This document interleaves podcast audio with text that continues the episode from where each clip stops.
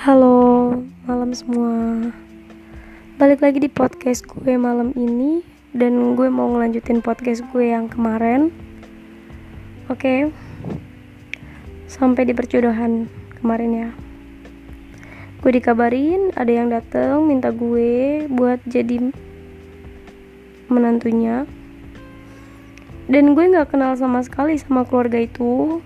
Anaknya pun gue nggak tahu, nggak pernah ngeliat tiba-tiba datang minta gue dan orang yang ngenalin gue ke dia itu temen mama gue. Dan itu tuh bukan temen sih sebenarnya kayak partner dulunya gitu kan. Nah di saat gue lagi menjalin hubungan sama cowok gue yang di luar kota itu gue sempet kayak gimana ya gue dilema gue bingung atau ini emang ujian buat diri gue gitu kan gue mikirnya. Sampai akhirnya kayak gue nangis gue nggak kuat gue nggak kuat buat nahan itu semua. Gue ceritain ke cowok gue dan cowok gue tuh gimana ya dia nggak terima sih sebenarnya. Dia nggak terima cuman mau gimana lagi udah jadi takdir dia bilang gitu kan terus sampai akhirnya gue nanya keseriusan dia sama gue. Dia bilang kalau kamu mau nunggu aku maunya dua tahun dua tahun lagi.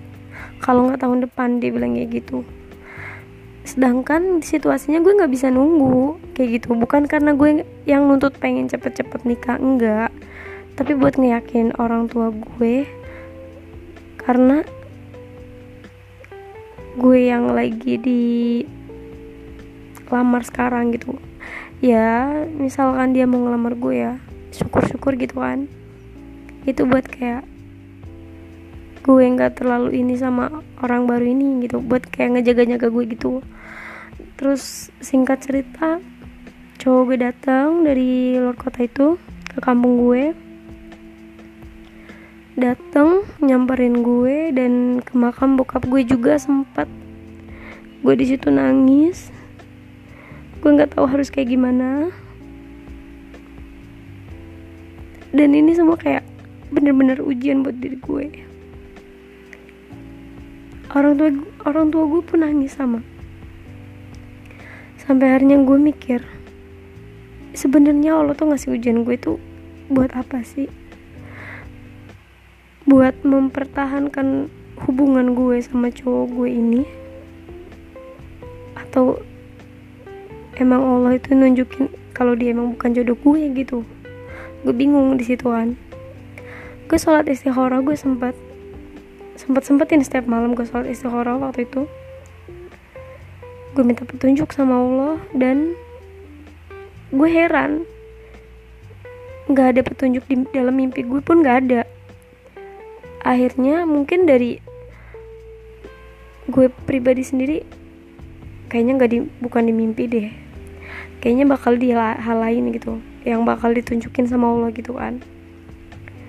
Entah itu dari pokoknya selain mimpi deh gitu kan. Gue tetap berusaha buat nyari nyari nyari nyari info tentang suami gue ini dan sampai teman-teman gue pun bilang jangan jangan sama dia jangan gue heran dong gue bingung. Ini kenapa gitu kan? Emang ada masalah apa sih sama dia gitu? Sampai-sampai dia bilang jangan gitu. Gue cari tahu dia nggak mau jawab. Ya kan? Akhirnya temen gue ini nyaranin gue buat nanya ke saudaranya dia. Dia ngasih kontaknya ke gue. Gue chat dong. Dan dia bilang ke gue jangan. Sama jawaban yang sama. Jangan sama dia kenapa? Gue butuh alasan.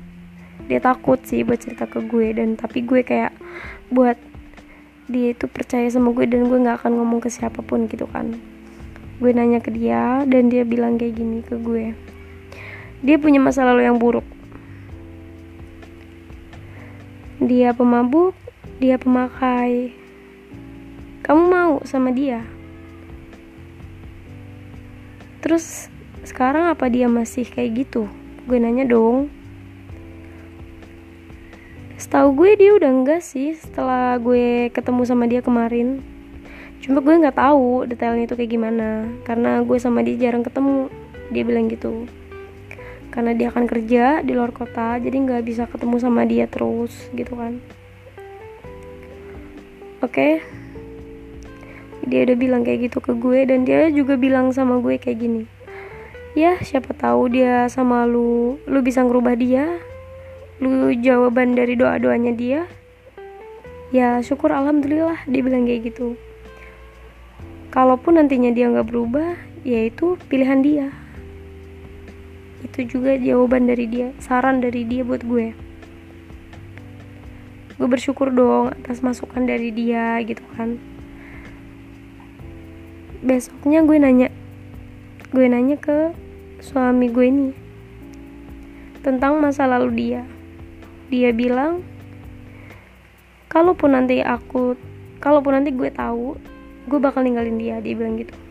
Gue bilang setidaknya gue tahu lu jujur ataupun enggaknya gue bilang gitu kan.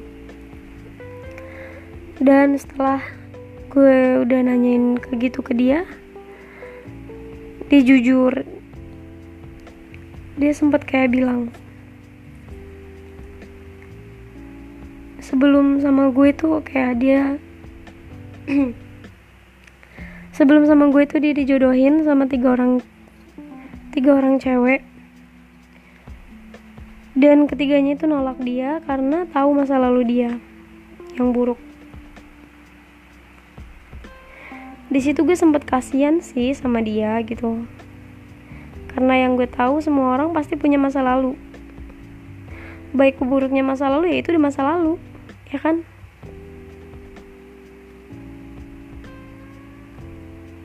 Dan dia ceritain dia jujur ke gue dan gue sempet kayak nggak nyangka sih dengan pengakuan dia yang bener-bener menurut gue itu jujur. Dia bilang ke gue kalau ya aku pemakai. Aku mabuk. Sukanya mabuk-mabukan. Itu dulu. Sekarang aku pengen berubah. Aku nggak mau lagi kayak gitu. Aku pengen bangun keluarga kecil aku. Biar nantinya aku bisa nggak niru orang tua aku gue bingung dong maksud dia nggak niru orang tuanya tuh kayak gimana. Ternyata dia itu anak broken home. Setahu gue dia pernah ngomong ke gue kayak gini orang tua gue yang laki-laki udah meninggal dia bilang gitu. Bapak gue udah meninggal dia bilang gitu. Ya gue gue taunya emang bener-bener meninggal ya kan? Tapi ternyata enggak orang tua dia masih hidup orang tua dia masih hidup. Tapi dari kecil dia nggak pernah lihat namanya orang tua laki-laki. Lihat seorang bapak dia nggak pernah lihat.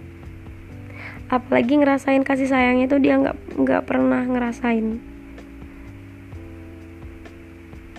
Dia ceritain masa lalu dia ke gue. Sakit sih dengerin itu gitu kan. Dan gue hati gue tuh kayak terenyuh tersentuh banget denger cerita dia. Gue sempet ngeyakinin diri gue sendiri buat kayak gue nggak boleh jadi orang yang jahat. Gue nggak boleh nyanyain orang ini gitu. Dia perlu gue dia perlu bantuan gue. Di situ gue kayak optimis banget buat ngerubah dia. Akhirnya finally gue nerima perjodohan itu. Ya dengan mungkin bisa dibilang awalnya itu dengan kasihan ya. Kasihan dan penasaran juga sih sebenarnya.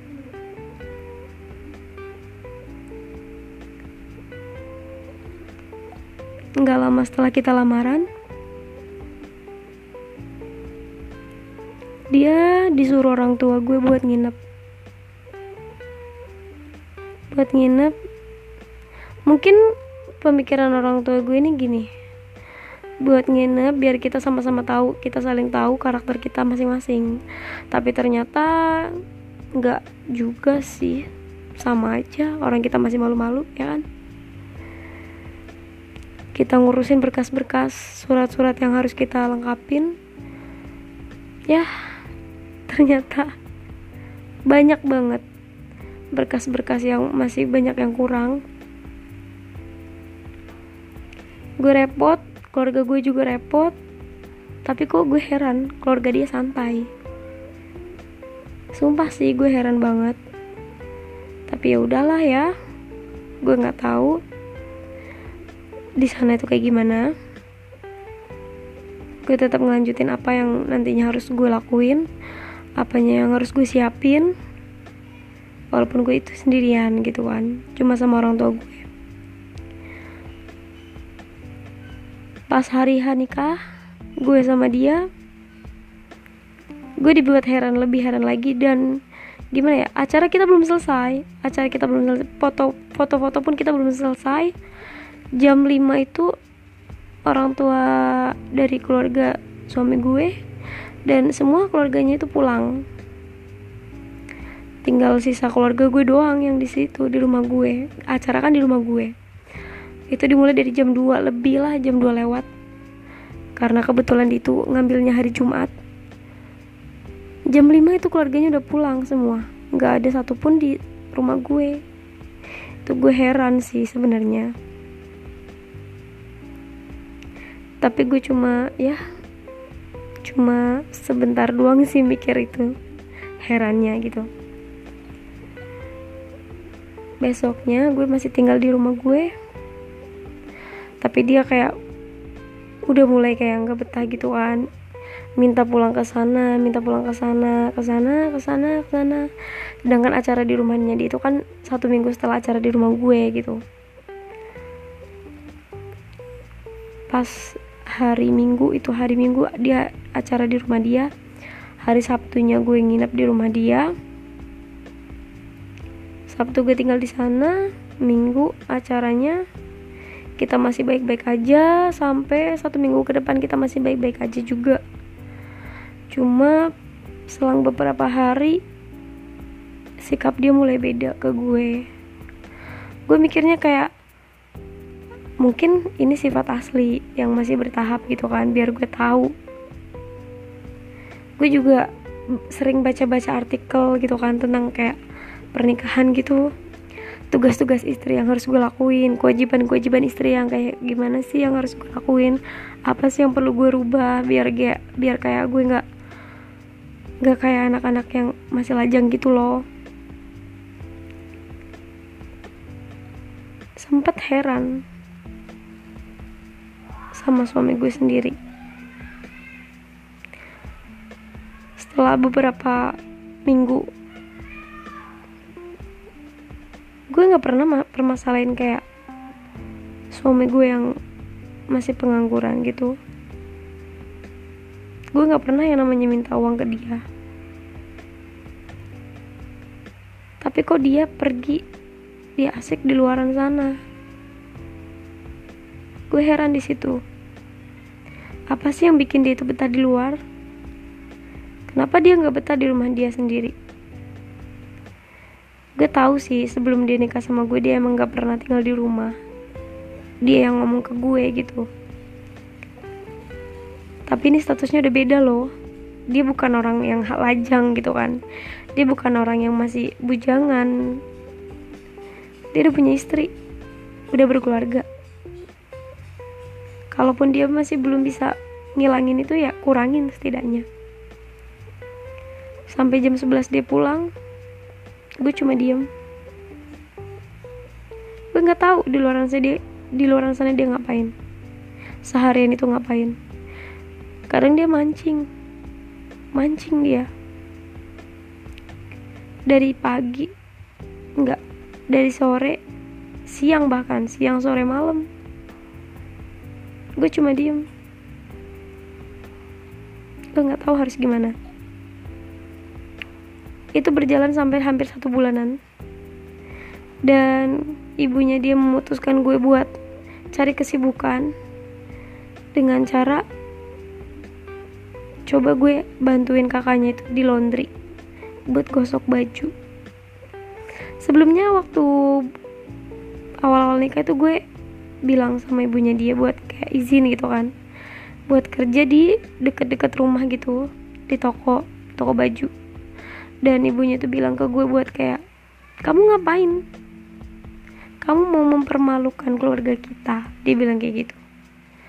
Hah? Mempermalukan dalam artian itu mempermalukan apa? Gue bingung dong. Gue kan mau kerja kerja halal. Itu kan halal. Temen gue pun nyaranin buat kerja di toko itu karena ya sayang sih kalau misalkan gue masih nggak ada kerjaan gitu kan. Tapi ya udahlah mertua gue nggak izinin dan suami gue penurut ya udah akhirnya gue diem di rumah. Gue kira gue diem di rumah itu suami gue nyari. Ya mungkin dia nyari.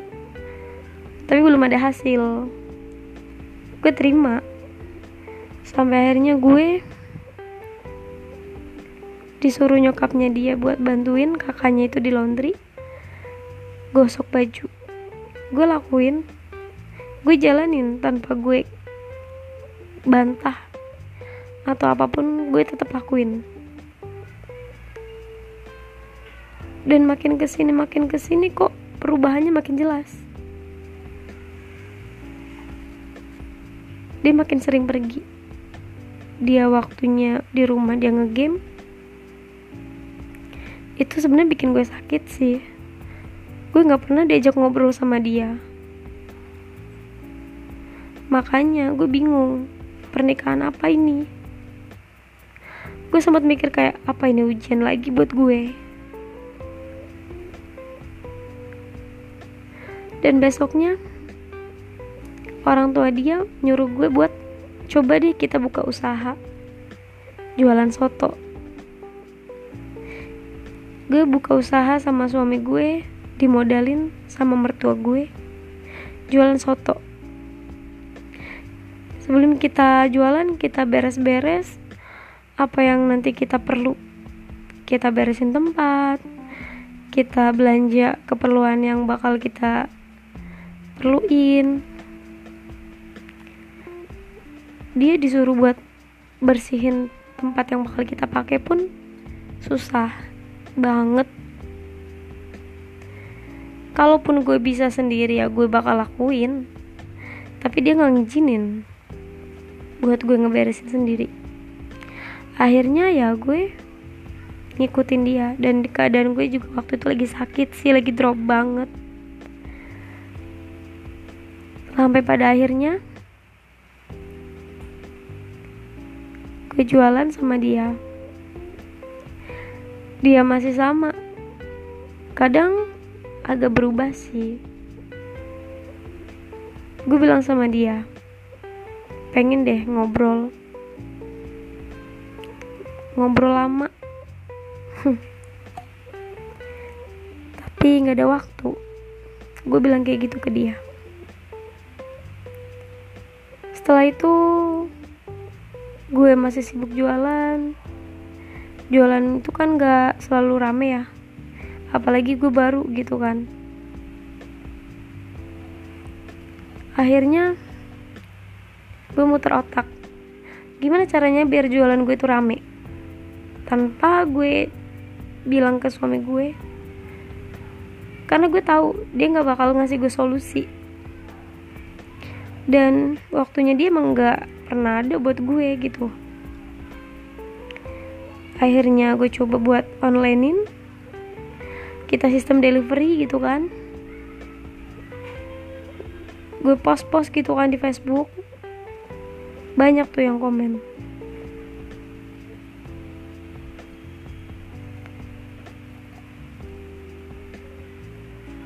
Sampai akhirnya jualan gue meningkat. Banyak pembeli tapi bukannya suami gue bantuin gue dia kadang asik sama temennya dia di luar. Pas pulang gue bilang dong ke dia bantuin gue kek. Capek gue bilang gitu kan. Akhirnya besok dibantuin gue nganter-nganterin gitu kan.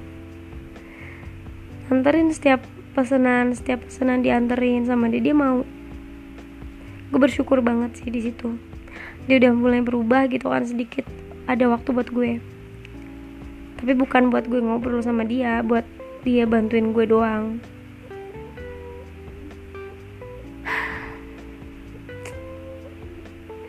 Gak lama berubah lagi.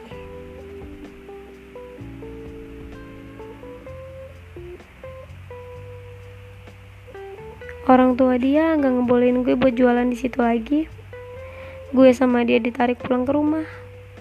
Tapi sebelum itu gue lagi ada konflik sih sama suami gue. Ya karena kebiasaan dia itu. Yang suka karaokean di luar nyanyi bareng temen-temennya dia. Asik sendirilah tanpa dia mikirin gue. Gue bilang dong ke dia gue capek capek mas. Diginin terus. Gue butuh gue butuh lu gue butuh buat temen curhat gue. Tukar pikir sharing gue bilang gitu. Dia marah.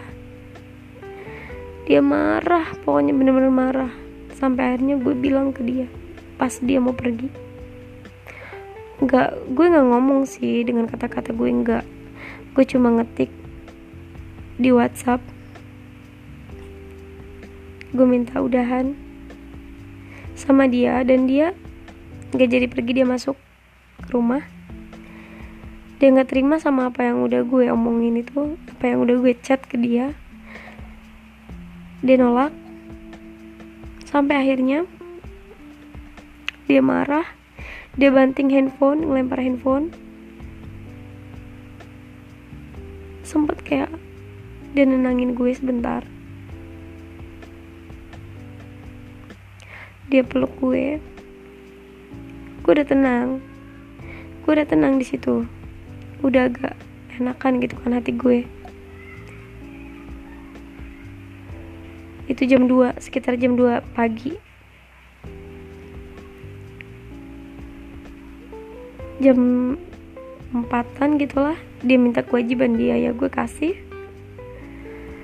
Pagi jam 6 gue bangun tidur gue buka handphone dia.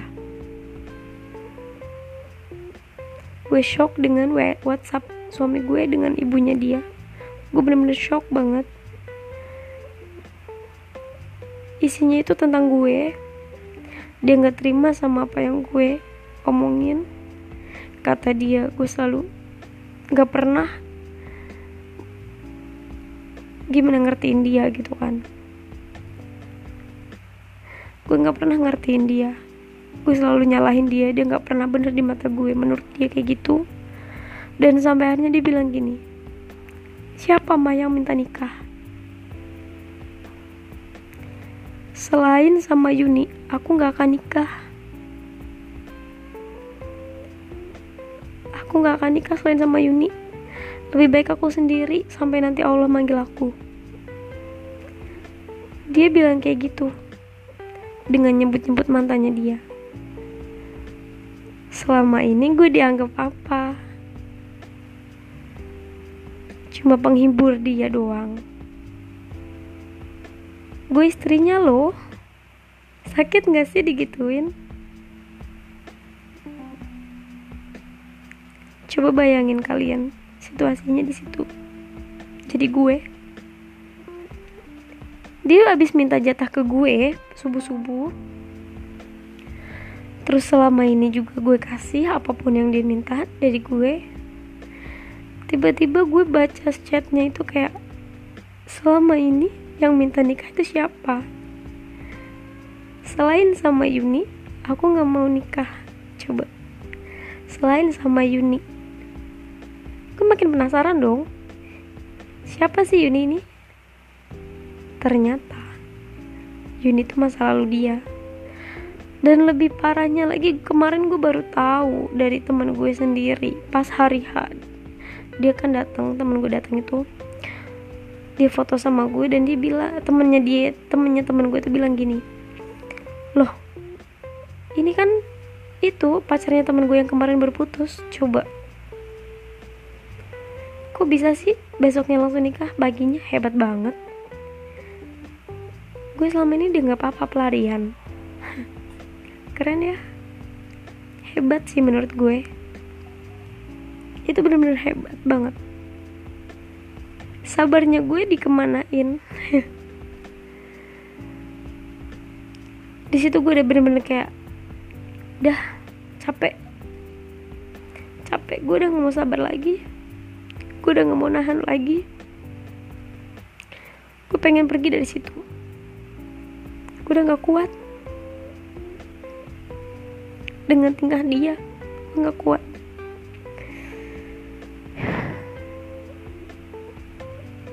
Tapi gue tetap tahan. Walaupun gue udah ngomong kayak gitu gue tetap tahan sama dia. Gue tetap sabar mungkin emang iya ini ujian dari Allah buat gue gitu kan buat rumah tangga gue. Karena gue tahu yang namanya kehidupan setelah nikah itu pasti banyak ujian. Gak mungkin langsung mulus ya kan setelah itu gue pun dagang di rumah sistem online. Itu makin parah. Seharian dia nggak pulang. Itu yang bikin gue heran. Gue jenuh di rumah itu gue jenuh bener-bener jenuh banget. Gue nggak ada kesibukan lain gitu kan karena kan yang namanya sistem jualan online kayak gitu tuh kalau ada pembeli ya kita baru nganter gitu kan. Dia pergi nggak pulang-pulang dia bawa motor gue gue nggak tahu dia ke mana. Dia asik sama teman-temannya sampai akhirnya mungkin dia lupa sama gue kalau dia tuh udah nikah.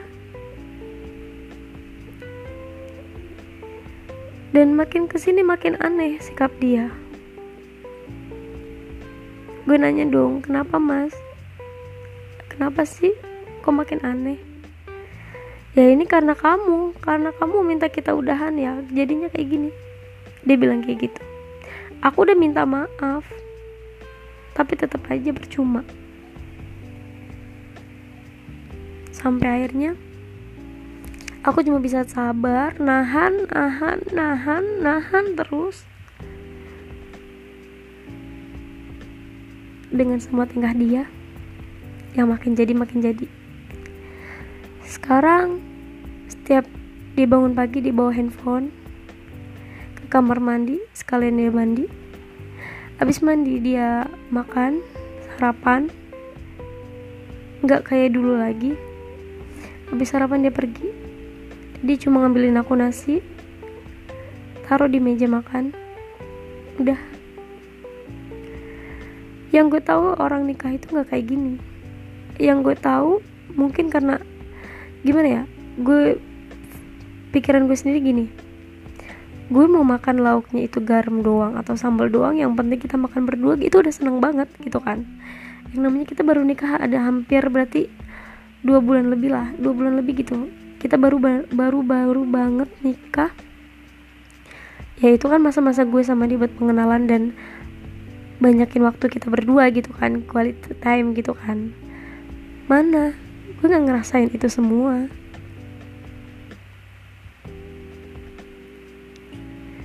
Sekarang itu dia udah berubah makan-makan sendiri.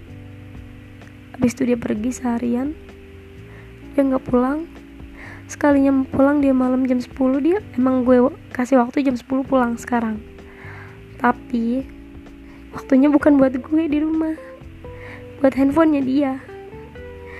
Buat handphonenya dia dan sampai akhirnya sampai tengah malam.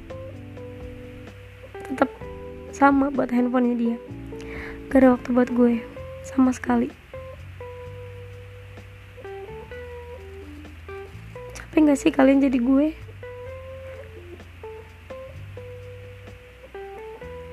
Gue yang tadinya gak kenal dia. Gue yang tadinya lagi jalin hubungan sama cowok gue. Tiba-tiba gue dipaksa harus nikah sama dia dan gue coba buat ngilangin perasaan gue sama cowok gue dulu. Gue nerima dia gue udah nerima dia gue udah sayang banget sama dia dan tiba-tiba dia ngejatuhin semua yang ada. Semua yang udah gue kasih ke dia. Sakit sih. Gue butuh dia sebenarnya. Gue pengen jadi istri yang terbaik buat dia